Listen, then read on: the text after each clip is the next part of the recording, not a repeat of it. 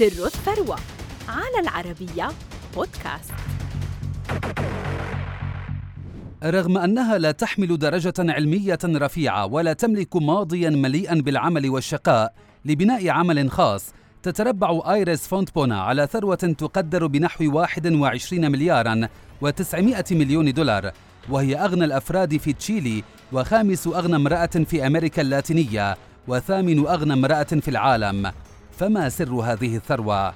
ولدت آيريس فونتبونا عام 1942 لم تكن تعلم أنها يوما ما قد تصبح مالكة لثروة كبرى. عندما كانت في السابعة عشرة من عمرها التقت بأندرونيكو لوكسيك أباروا الذي كان أرمل يكبرها بخمسة عشر عاما وتزوجته عندما كانت في العشرين من عمرها وكان ذلك أهم منعطف في حياتها. فهذا الزوج الثري الذي أصبح لاحقا الرجل الأكثر ثراء في تشيلي هو مؤسس مجموعة لوكسيك الاقتصادية التي تدير استثمارات عديدة وكبرى على مستوى العالم. تأسست لوكسيك في خمسينيات القرن الماضي وبنيت عبر الاستحواذ على الشركات الصغيرة وبناء استثمارات في المجالات المختلفة التي تنقسم بدورها إلى مجموعتين. الأولى أنتوفاكاستا PLC التي تتحكم في عمليات التعدين والسكك الحديدية. والثانية مجموعة كوينينكو المتخصصة في التمويل والتصنيع. تعد أنتوفاكاستا PLC إحدى أهم الشركات المتخصصة في قطاع التعدين ومنتجا أساسيا للنحاس في جميع أنحاء العالم.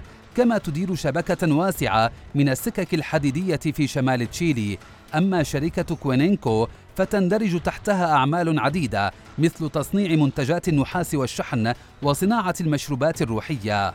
خلال حياته طور أندرونيكو أباروا إمبراطوريته التجارية ونقل جزءا من أعماله لأبنائه. ثم تنحى للاستراحة بعد إصابته بمرض السرطان الذي لم يمهله طويلا حيث توفي في عام 2005 تاركا ثروة تقدر بنحو أربعة مليارات ومئتي مليون دولار.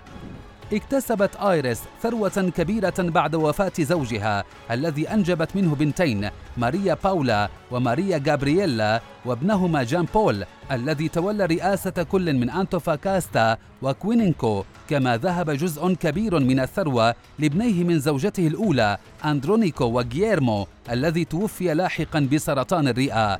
نجحت عائلة فونتبونا في مواصلة طريق النجاح ونمت نجاحات الشركة بشكل كبير فأصبحت المجموعة تسيطر على ثاني أكبر بنك في تشيلي وأكبر مصنع بيرة في العالم وأكبر مناجم النحاس في العالم وأكبر شركة شحن في العالم إضافة إلى سلاسل الفنادق الفاخرة. تملك آيرس فونتبون اليوم ثروة تقدر ب 21 مليارا و900 مليون دولار.